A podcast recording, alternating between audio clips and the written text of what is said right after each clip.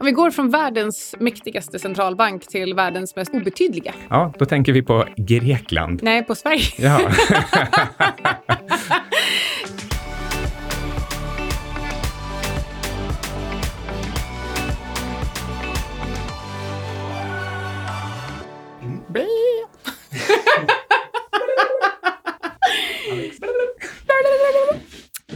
Är marknaderna lika dopade som du och jag idag? Vi verkar vara glädjedopade. Det är väl härligt? Det är hög energi på oss. Vi Är outsiders med Syding och Svan. och vi ska prata om dopade marknader och fulla central bankers. Men innan vi gör det så vill vi tacka Alexander Marton. För det är nämligen så här att när det här avsnittet sänds så befinner vi oss på olika kontinenter. Du, det är den 10 oktober idag och eh, Micke är alltså i Los Angeles och Vegas och rekar lite inför min resa som jag ska göra om några veckor faktiskt. Ja, det är väl helt naturligt att man gör så. Man skickar en förlöpare som i en vecka eller två kollar lite grann hur, vad som är bra och sen kan man den andra åka på sin riktiga resa. Jag mis misstänker att du testar andra saker än vad jag gör. Jag eh, har ju städat upp mitt leverne något.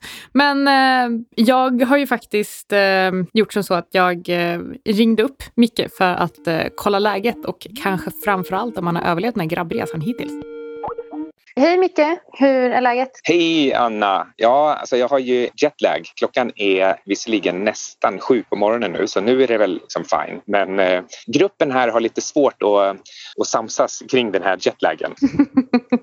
vi, vi, Så- eh, vi vaknar hela nätterna och eh, vi, bor, vi bor i samma rum också delar på en toalett. Så det är, eh, ja, men det är kanske lite spänd stämning här de första dagarna.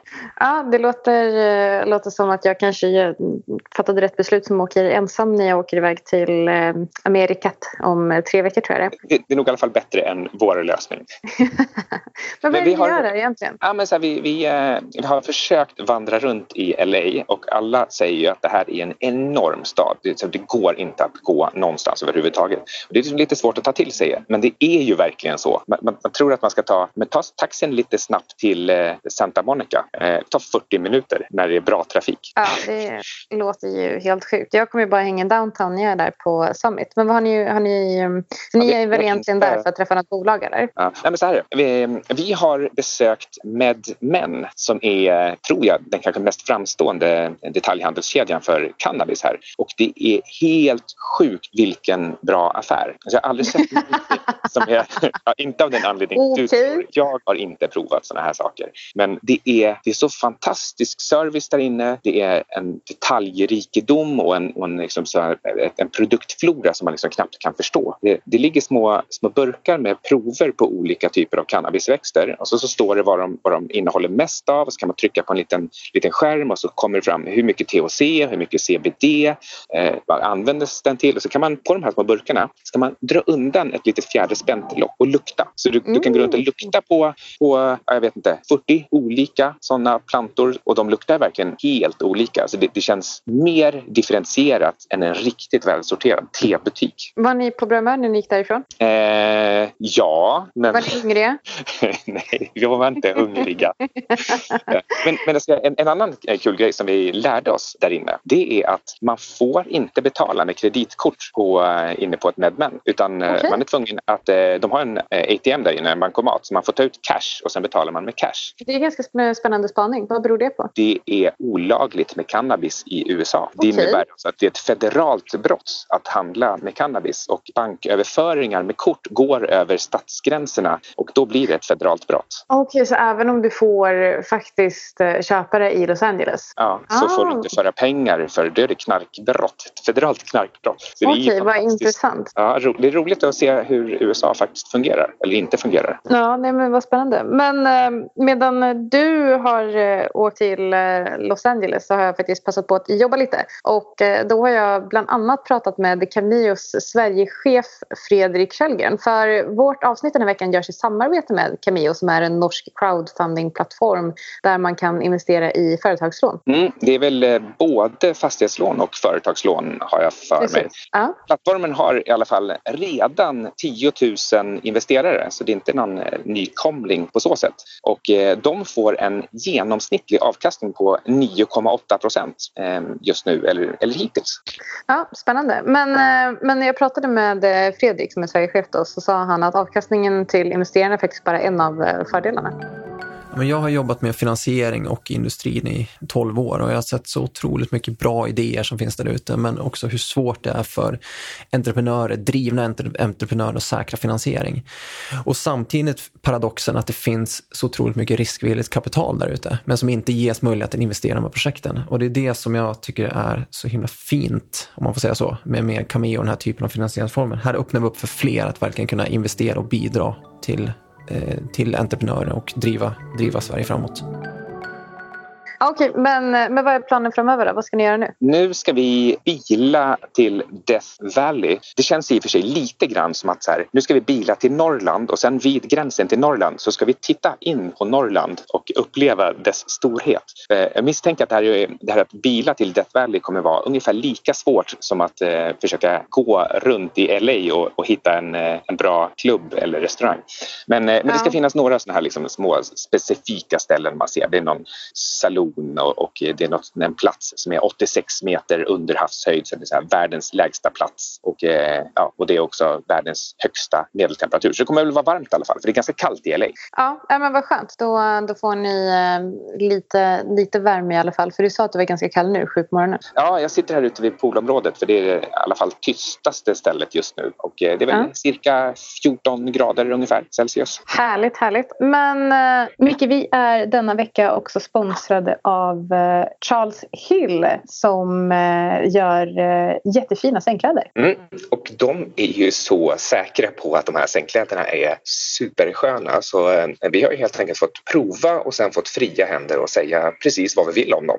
Precis och det är alltså high-end sängkläder helt utan mellanhänder och de använder sig av den finaste egyptiska bomullen och det här produceras tillsammans med ledande producenter i Portugal. Och eftersom de inte har några mellanhänder utan de har ju tänkt igenom den här produktionskedjan riktigt ordentligt så blir det halva priset mot eh, andra high-end lakan och det gillar väl du? Ja, för det var nu så att när vi flyttade isär så bland det första jag behövde göra var ju att köpa nya sängkläder vilket ju är supernice men eh, ganska dyrt om man har en specifik smak. du kanske är glad att du slipper, slipper ha mig hemma. Ja, men så här, jag fick i alla fall ha kvar de lakan vi hade hade. Men eh, ja, det är inte riktigt samma sak. Nej, precis. Men eh, jag har sovit några nätter i de här i min, eh, i min lägenhet. Och ehm, jag, jag, fick, jag, det var, jag har faktiskt en liknelse. När du och jag var i Grekland förra året för att köra våra jetboardbrädor så bodde vi sista veckan på ett ställe som heter The Margie. Och The Margie är ett superfint hotell utanför Aten. Och där hade de alltså, de mest episka lakanen någonsin fram tills nu. För det var nämligen så att jag vaknade en morgon, AC'n var på och det var så prassligt i lakanen. Och jag fick för några sekunder för mig att det var julaftonsmorgon. Och lite den här samma prassel-och-mys-känslan har jag av eh, de här lakanen som eh, Charles Hill producerar. Jag har faktiskt en annan liknelse och det är att eh, en sak som jag kanske saknar med att jobba det var att jag faktiskt ofta gick klädd i skjortor av just den här finaste egyptiska bomullskvaliteten. Så uh, nu får jag ju faktiskt sova i samma känsla. Då kanske du kan drömma om dina forna meriter. mm, ja, jag lever på, på gamla. Eh, men eh, om eh, du som lyssnar vill uppleva precis samma sak och få de här high-end lakanen till halva priset dessutom med 15% rabatt, då kan du använda rabattkoden outsiders. Precis, så då går ni helt enkelt in på charleshill.com. Vi skickar med en länk i veckobrevet Insiders med rabattkoden också. Och så beställer ni de lakanen ni vill ha och så använder ni outsiders med 15% kod. Mm, fantastiskt, sov så gott gott. Så, så gott. Okej, okay, men eh, jag ska låta er åka på er roadtrip så ska jag fortsätta hålla ställningarna här så att du kan göra detsamma för mig när jag åker iväg om några veckor. Mm, men jag har i alla fall så lite, lite tips på eh, eh, frukostplats till dig sen. Och så vill jag också påpeka att jag flög ju hit i mina CDLP-kalsonger och det är verkligen the only way to fly. Det kan du ta med dig. Jag tänkte flyga business class men jag tror att det kanske är lika bra. Men för de som inte vill spendera den typen av pengar pengar så kanske man ska köpa CDLP-kalsonger. Ja. Ja. Men mer om det lite längre fram. Men, eh, ja, men ha det så bra i, eh, i USA då. Ja, vi hörs snart igen. Micke, nu sitter du i studion igen. Nu är det den 10 oktober igen. Vi reser fram och tillbaka i tiden och vi har faktiskt ingen aning om hur du kommer att må när den här andra intervjun gjordes. Men vi närmar oss slutspurten för året, jultomterally. Ja, kommer det bli som det ofta har blivit? Ett, vad vi på Futuris brukade kalla för ett julenisserally eftersom vi hade en norrman som chef och grundare. Och eh, vi är väl inne på det spåret. För eh, i temat idag om centralbanker så ingår ju också att eh, nu har de startat QE igen i USA. Eh, det är på gång i Europa. Det är redan meddelat. Så eh, de har förstått att ekonomin är svag och då får de trycka ordentligt på gasen och det kommer läcka över till allting som kan anses vara eh, TINA-tillgångar eller realtillgångar. Exakt, vi ska ägna hela avsnittet åt det här så vi behöver inte gå in på detaljer just där. Men eh, man kan ju också fundera lite på vad som händer med det här handelskriget. För igår, den, eh, då ska vi se här, den 9 oktober, så eh, tror jag det var nämligen så att eh, Kina gick ut och sa att de eh, skulle köpa mer sojabönor. Sojabönor för 10 billion dollars. Är det bra eller dåligt för handelskriget och för börsen?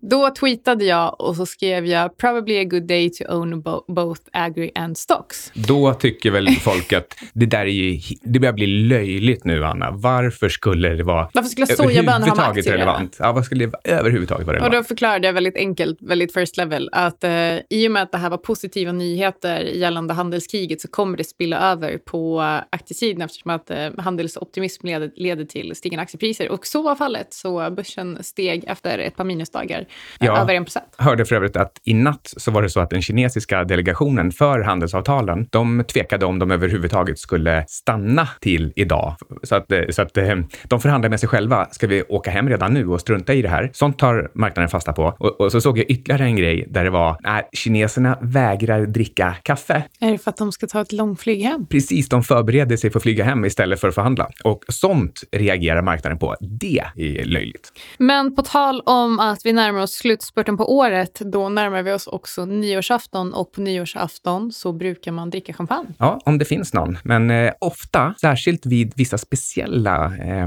årsskiften, till exempel tioårsskiften eller hundra eller tusenårsskiften, då brukar det alltid någon gång i november, december komma upp information om att eh, det börjar ta slut eh, på champagne på hyllorna i hela Europa. Det här är ju aldrig sant, men det brukar lite då och då så kommer det också upp att eh, tequila-skörden är alldeles för låg så att det kommer ta slut. Det här är ju förstås bara säljknep, men det är liksom favoriter i repris som alltid kommer så här på hösten. Och nu säger den största fläsktillverkaren att det finns risk för baconbrist. Ja, där vill jag bara tillägga att bacon är ju djävulens påfund. Det är liksom en av de största cancerriskerna som finns, är ju just bacon. Bacon is good for. Men tror du inte att det, det kan ha lite att göra med den här nordafrikanska svininfluensan också? Det, den har ju tagit koll på ganska mycket grisar. Nu vill du säkert säga någonting om soja också. Nej, faktiskt inte. Det är lite som, eh, det är lite som eh, Ludvig och Napoleon. Allting leder tillbaka till sojabönorna. Ja, precis. Men eh, tillbaka till champagne. Ja, du behöver väl ingen champagne? Jag har typ slutat dricka, eller har slutat dricka. För ett Ja. tag i alla fall. Det var tänkt att jag bara skulle göra det under en kort period, men eh, nu var det faktiskt ganska länge sedan. Men du har hittat något annat istället, eller hur? Du började testa ginger ale och ginger beer. Ja, men det var nämligen så att jag var på ett eh, ställe i Gamla stan som heter Kagges, som är en eh, liten mysig eh, restaurang och där beställde jag en ginger ale eftersom att jag inte dricker alkohol just nu. Och då eh, tyckte jag att den här var jättegod, just den här sorten. Så Så när du sa det, så hur reagerade din eh, pojkvän då? han köpte hem flera lådor av, av den så han beställde direkt från tillverkaren. Hur rimligt är det där? Och vem, vem, vem kan tävla med någon som eh, alltid reagerar på det sättet? Åh, tyckte du det här var lite gott? Låt mig beställa tre lådor. Jag säger ibland till honom I feel so spoiled och då brukar han svara Well you are spoiled. Kommer det sig att ni pratar engelska? Skit i det. Men jag, eh, jag ägnar desto mer timmar åt eh, min träning. Ja, hur går det? Hur tungt lyfter du? Jag vet inte hur tungt jag lyfter det här avsnittet eh, sänds, för jag har inte testat eh, max i marken. Men häromdagen så lyfte jag 80 kilo med bra form, Ja, du tränar på 80. Ja, exakt. Precis. Men som sagt, ska vi gå tillbaka till centralbanker? Jag har börjat läsa en ny bok. Mm, vad heter den? Collusion, How Central Bankers Rigged the World. Det där låter som foliehattsmaterial som vanligt. Vadå riggade världen? Världen. Nej, men det är så. Men eh, alltså så här är det. Vi har för första gången någonsin egentligen en totalt synkroniserad centralbankspolitik. Det är ju liksom precis den, det boken tar upp, antar jag. Att man, man samarbetar, man har samma politik överallt. Och det här går ju helt på tvärs med själva idén med centralbanker och fiskala stimulanser och annat. De, de är ju till för att vara anpassade för unika förutsättningar för varje respektive land för att man ska kunna hantera att till exempel arbetsmarknad och kapitalmarknader inte är 100 friktionsfria. Så plötsligt så gör man samma överallt. Och det här går ju faktiskt att jämföra med equilibrium interest rate som vi har tagit upp tidigare i podden. Alltså att man skulle ha en ränta, en liksom eh, egentligen eh, styrränta som eh, resten av världen, hela världen ska anpassa sig efter. Vilket ju, alltså jag vet inte, försöker man decentralisera centralbankerna? ja, eller centralisera dem. Ja, men hur som helst. Um, tror du att det här är ett första steg mot det? Ja, jag, vi, vi, har ju hört nyligen hur Draghi säger att han vill skapa ett förenta Europa-staterna. Och, eh, Jättebra.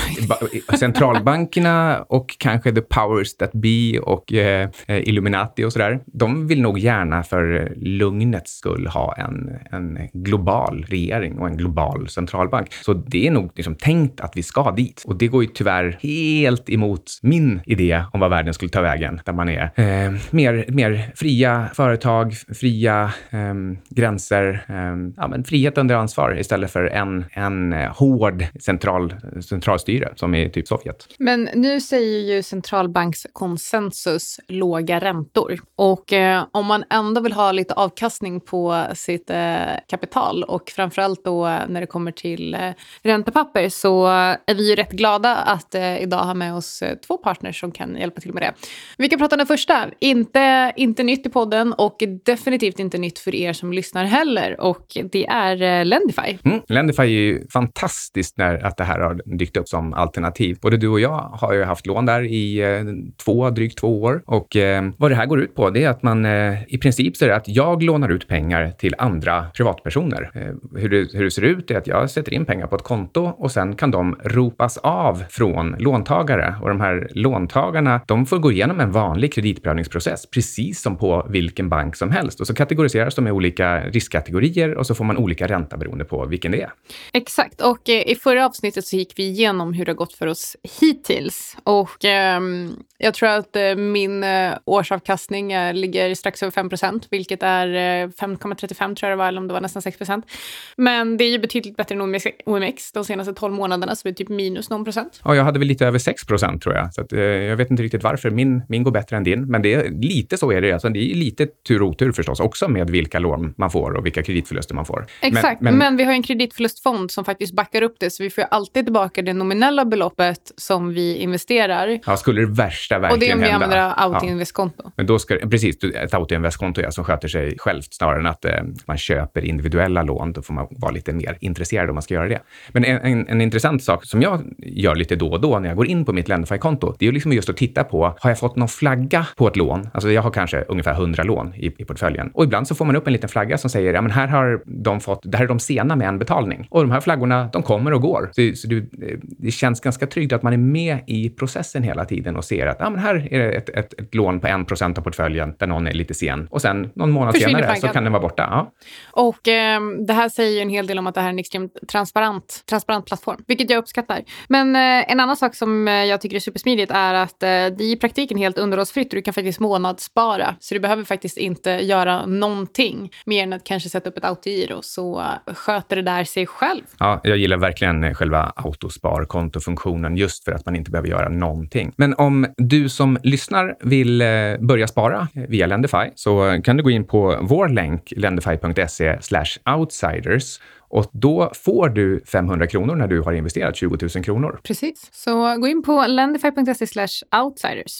Men jag tänker att vi pratar ju ganska ofta om penningpolitik i den här podden, för det är ju det roligaste jag vet. Um, så jag tänkte att vi kunde köra en liten recap. This year in monetary policy. Vad tycker du har hänt som är viktigt och intressant det här året? Det som har hänt är bland annat att vi har sett första räntesänkningen sedan bitcoin föddes. Inte för att det är superintressant i sig, uh, men lite spännande. Och eh, det kanske skulle kunna markera någon typ av nytt eh, penningpolitiskt paradigm.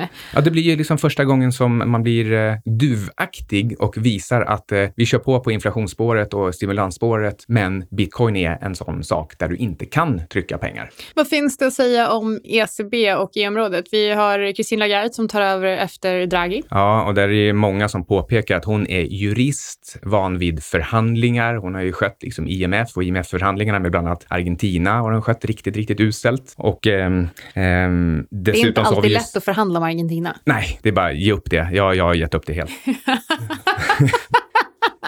Men, men eh, vi har eh, också till exempel nyligen sett att eh, ECB sänkte räntan igen till ännu mer minus och säger nu startar vi QE. Ja, och de har pratat en hel del om att köpa aktier direkt och inte bara liksom ETF. Ja, de, får, de får ju Och inte statsobligationer. alla tips från Japan, för där har det ju gått så oerhört bra. Sarcasm. I USA så har vi precis som vi sagt, eh, har, har ju Fed börjat sänka räntan och det, har vi, det som kanske är mest intressant eh, på, på andra sidan Atlanten är väl kanske Trumps utspel på Twitter mot Powell. Vad tänker du på? Nej men eh, generellt att han har, han har i princip sagt att han vill eh, avsätta Powell, han vill sparka Powell, han tycker att eh, Fed missbrukar sin position och han tycker att det är helt sjukt att Fed verkar bete sig som en centralbank för världen när de bara ska fokusera på USAs ekonomiska utveckling. Men, men det är ju inte riktigt så det funkar, för Fed är ju någonstans också världens mäktigaste centralbank. Och, ehm, eh, om, och jag tycker väl tyvärr också att det var så här att eh, Powell var ju från början väldigt tydlig med att han tänker minsann inte låta sig påverkas av marknaden och nu är det det enda han gör. Vilket också påminner mig om vad som stod i introduktionen till den här boken som jag läser, Collusion. Um, för där drar de upp ett citat från Ben Bernanke när han säger 2007, det är inte vårt jobb att uh, skydda investerare och uh, låntagare. Och ändå var det exakt det de försökte göra 2008. Och sen så har han mage att skriva boken Courage to Act. Ja, alltså det är, ehm, om vi börjar med, Hypocrite! om vi börjar med Trump så är det, det är verkligen både beklämmande och anmärkningsvärt hur ofta han är ute och säger och, liksom, och styr, detaljstyr centralbanken. Fast han vet att, åtminstone på pappret är det ju tänkt att den ska vara oberoende. Samma sak gäller ju i Sverige att den ska vara oberoende, men det, det förstår vi ju att den inte är. Men att vara ute och liksom så öppet hela tiden säga att den ska inte vara oberoende. Att, att det, det är hans, alltså Trumps politik är att centralbanken ska styras av staten. Det är ju faktiskt riktigt, riktigt bisarrt. Och vi ser ju nu också hur eh, det här genomförs i praktiken. För först är Jeremy Powell ute och säger att vi håller på att höja räntan här. Och sen säger han, okej, kanske en liten one and done innan vi fortsätter. Och bara för att Trump säger som han säger så, så plötsligt så inför man QE igen och eh, antagligen nu bäddar för räntesänkningar. In no sense is this QE. Men eh, om vi hoppar från USA till... Eh, om vi går från världens mäktigaste centralbank till världens mest obetydliga. Ja, då tänker vi på Grekland. Nej, på Sverige. Ja. Eh, nej, är, i det världens, är det världens mest duvaktiga eller hökaktiga centralbankschef här i Sverige? Det beror lite på. För att eh, det här är den eh, just nu världens mest högaktiga centralbankschef om vi tittar på vilken typ av uttalanden han gör. Men om vi tittar på hur han faktiskt agerar så är han ju en duvunge. Det här att han överhuvudtaget kan vara ute och säga att vi planerar, precis som innan, för en höjning ungefär runt årsskiftet. Trots att hela världen är på väg ner i en synkroniserad recession och eh, de andra centralbankerna håller på och sänker. Och han har ju dessutom förut varit ute och sagt eller signalerat att det är klart att vi ska göra ungefär som de andra centralbankerna. Ja, för han har ju sagt det. Han bara, nej men vi kan inte höja räntan nu för vi följer ECB. Och nu vill ECB sänka och han bara, men nu ska vi höja. Och så har vi samtidigt ändå den mest negativa centralbanksräntan i världen. Okej, jag känner att eh, min tonalitet där mot Ingves kanske var lite oskön. Jag har superstor respekt för honom, men eh, jag tycker att eh, det här agerandet är märkligt ur ett eh, makroekonomiskt perspektiv. Och, och vi vet att det här är en direktion och en hel centralbank. Vi bara använder Ingves som, eh, som kort, kort eh, version för att, eh, för att, för att eh, kunna relatera till den här företeelsen. Men okej, men om vi skiftar från Sverige till den då som du menar är världens mest eh, betydelselösa centralbank, Grekland. Mm, för det första, varför har de ens en centralbank när de är i EU och det, det, vi har Draghi och ECB? Alltså egentligen så är det rätt svårt att förstå vad själva poängen bakom allt det här är när det är synkat. Titlar och känna sig viktig. Aldrig. Mm, men, men, och, och, och då ger ju då Grekland ut sina egna statspapper. Och det kanske var en poäng med det så länge de tog sin egen risk, stod för sina egna skulder och hanterade sin egen balansräkning och sina underskott. Men, men nu är allting styrt från ECB. Det är de som berättar, du måste, ni måste göra så här och så här, annars så köper inte vi era papper och så vidare. Men vad det då har lett till är att vi har en påstått egen centralbank i Grekland och de ger ut sina räntepapper och nu har de gett ut tre månaders papper igår, nej idag. Du idag. måste i alla fall erkänna att den här centralbanken i Grekland skapar vissa arbetstillfällen för eh, befolkningen i Grekland och det kan ju vara bra. Um, ja, de, de har behov av arbeten där. men, men som helst, de har alltså en, nu gett ut de här papperna med minus 0,02 procent, så du får alltså betala till grekiska staten för att låna pengar av dem. Och Grekland är kända för att gå i konkurs lite så här, typ var tionde år eller någonting sånt. Ja, men då kanske det här är faktiskt eh, den bästa risken du kan ta med grekiska statspapper. Och senast var 2012 bara. För tänk så här, om, Gre- om Greklands stat går i konkurs med jämna mellanrum, säg att du lånar ut pengar med eh, ränta på 10% då är ju liksom eh, det ackumulerade beloppet i slutet mycket, mycket större än om du lånar ut pengar till minusränta. Så då har du förlorat mindre pengar om Grekland går i konkurs. Mm, ja, ehm, det är korrekt. Jättebra. Det Men- betyder att risken är lägre nu. Det, det här är så dumt så jag inte ens kommenterar det. Men Grekland, Grekland spår ju dessutom 2,8 procents real BNP-tillväxt 2020. Tror Alltså, du på det eller? Nej. Ehm, resten av världen går in i en synkroniserad recession. Och, Men och inte Gre- Grekland. Grekland ska växa med 3 procent. Och den där 3 Grekland växer och frodas. 3% siffran den sätter de ju dessutom bara för att få låna pengar och få stödet och för att då uppfyller de kraven på, på den här budgeten som, som de har blivit åsatta att ha. Så det är ju bara en hittepåsiffra för att eh, på pappret uppfylla allting. Jag Och gillar så- när du säger hittepåsiffra, för jag vill bara säga att ja, det är så ekonomi fungerar. Ja, men, men sen man- och man sen när de bryter mot det här, då får de ett nytt paket och så börjar man om igen och låtsas. Men Fed har ju nu ganska nyligen, om vi hoppar från Grekland, för att Grekland som vi sa saknar betydelse, it's irrelevant. Så att vi hoppar från Grekland tillbaka in i USA som faktiskt spelar lite roll för den globala ekonomin. Så att vi faktiskt sprider någon verklig kunskap här. Fed har gjort den här helomvändningen och från att faktiskt strama om den här penningpolitiken och minska balansräkningen så gör de faktiskt QE i smyg. Men Jeremy Powell var ute i veckan och förklarade att det här är absolut inte. QE. Ska vi för skojs skull läsa upp exakt vad han sa i lugn och ro? För det är ju ganska roligt. Ja, Okej, så här sa alltså Jeremy Powell. I want to emphasize that growth of our balance sheet for reserve management purposes should in no way be confused with the large-scale asset purchase programs that we deployed after the financial crisis. Ja, och så fortsatte han. Neither the recent technical issues nor the purchases of treasury bills we are contemplating to resolve them should materially affect the stance of monetary policy. In no sense is this QE. Ja, alltså, så I princip så säger han, det är så här alltså, vi bara låter balansräkningen växa och det har liksom ingenting att göra med kvantitet, bara att den blir mer kvantitativ till sin storlek. det, här, det här är exakt som om jag skulle komma hem till Micke och hittar honom med handen i kakburken och så säger jag, men Micke, har du handen i kakburken? Och då säger Micke, nej så här är det. Min hand är i kakburken, men i no sense har jag handen i kakburken. Ja, det, jag hoppas alla förstår metaforen. Men ECB däremot, ECB däremot har Ja. inga problem med att eh, kalla en anka för en anka. Kalle anka. Anka.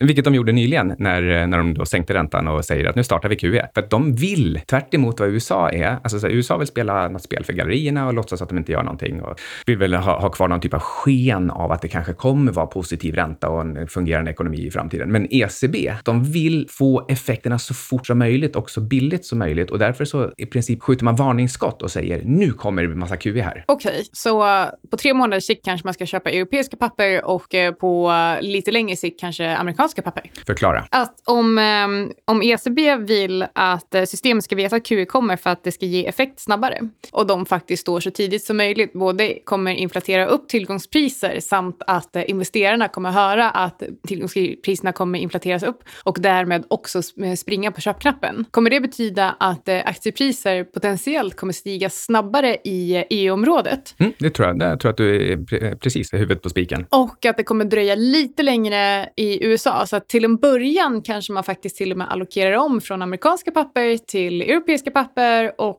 sen kommer man springa på köpknappen på S&P. Mm. Det som förvirrade mig var just bara ordet papper. Eh, så jag, jag tänkte automatiskt på räntepapper, men du menade aktiepapper. Aktiepapper. Och, eh, men då kan man också fundera lite grann kring, eh, kring dollarn kontra euron. För även om man liksom springer... Ja, fa fast, fast. Är, du, är du kortsiktigt positiv euron på nej, dollarn? nej, för att jag, jag menar att eh, det fortfarande kommer vara dollarn som är bra, för där, där kommer man tro att räntedifferensen kvarstår längre till, eh, till USAs fördel. Så att dollarn kommer vara stark, men europeiska aktier kommer vara starka. Okej, men då är jag med. Jag eh, hittade en, ny- en ny hemsida idag. Jag har också hittat en ny hemsida, men jag ska inte berätta vilken. Men eh, vilken, Okej. vilken tittar du på? Centralbanking.com. Ja, låter ju fantastiskt roligt. Kul ni ska ha. jag, jag och central banking. Du och Capex. Okej. Nej men, eh, Vad hittar du på centralbanking.com? Jättemycket nyhetsartiklar. Och det är grejen att det här är alltså en nyhetssida för centralbanker. Så att de bara samlar allt på ett och samma ställe. Och jag bara, jag vill prenumerera. Men då börjar den här prenumerationen på typ 3500 euro. Ehm, så jag eh, eh, funderar på om starta en insamling eller någonting. Men eh, först jag skrev på Twitter, borde jag prenumerera på det här som kostar eh, 5000 euro eller borde jag söka hjälp? Och sen så tryckte jag på eh, free trial-knappen. Ja, den, jag, jag såg ju faktiskt, eh, du visade ju sen vad man kan klicka i för någonting. Och det är verkligen det är en matris med säkert eh, 25-30 olika områden som man kan klicka i. Att men, det här vill jag höra nyheter om och det här vill jag ha sammanhang. Och, och så sätts det här ihop till ett skräddarsytt e-mail. Exakt, och man kan ju till exempel vilja, ha, vill jag vara snabbast med att få, få egentligen veta vad som sägs på de här FOMC-mötena. Och eh, då hittade jag följande artikel, jag ska bara ta fram den.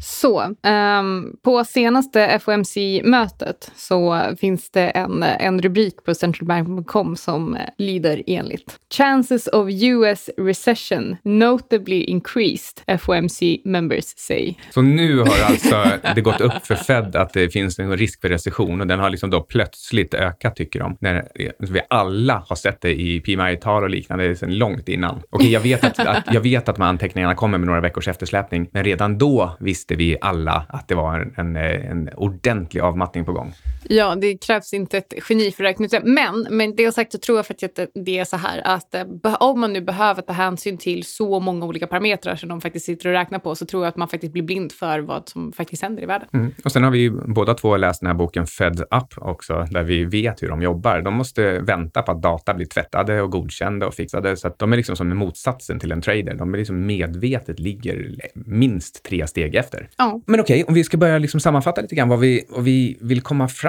till här. Så vi, vi sa ju lite grann där om, om Men aktier bullish aktier då? Ja, bullish aktier. Eh, Det är vårt nya tema kan vi säga, sen, sen, sen förra avsnittet i alla fall, och även det här EFN-framträdandet och sådär. Eh, Men vi ska ju verkligen inte tappa blicken på bollen heller, för allt det här, vår positivism, den bygger på att det är så svagt och trasigt att det kommer liksom enorma mängder QE. kommer till och med QE innan de vågar besluta eller säga att det är QE. Så blicken på bollen här, det är QE, QE, QE, QE. Det slutar aldrig QE och det läcker in till guld. Ett problem dock är att vi har haft massa turister i guldmarknaden. Alltså folk som egentligen inte riktigt vet vad de gör, men som har hakat på för att det drog, snabbt från 1250 till 1550. Och nu är vi här och håller på och konsoliderar och då blir en del lite rädda och vi ser att den här Commitment of Traders-rapporten som man kan titta på för alla råvaror man vill, till exempel guld, då, då ser man att det, spekulanterna ligger på väldigt höga nivåer jämfört med eh, som själva producenterna. Och det här brukar då kunna indikera en topp. Men återigen då, pricken på bollen. Allt det här som händer, det syftar ju till att guldpriset ska stå i alla fall dubbelt så högt som det gör idag. Och det, det kanske inte gör det på 12 månaders sikt, men kanske på 24. Och eh, i det perspektivet så tycker inte jag att man ska hålla på och försöka chansa på att få komma in 10% billigare, för då tradar man bort sig. Sälj inte bort er, som Fing-sekten brukar säga. Nej, precis. Och en annan, ett annat ställe där de också kommer läcka in är ju inte bara guld, utan eh, det finns ju faktiskt andra typer av råvaror också. Så jag tror att det kommer vara en period nu som kommer vara extremt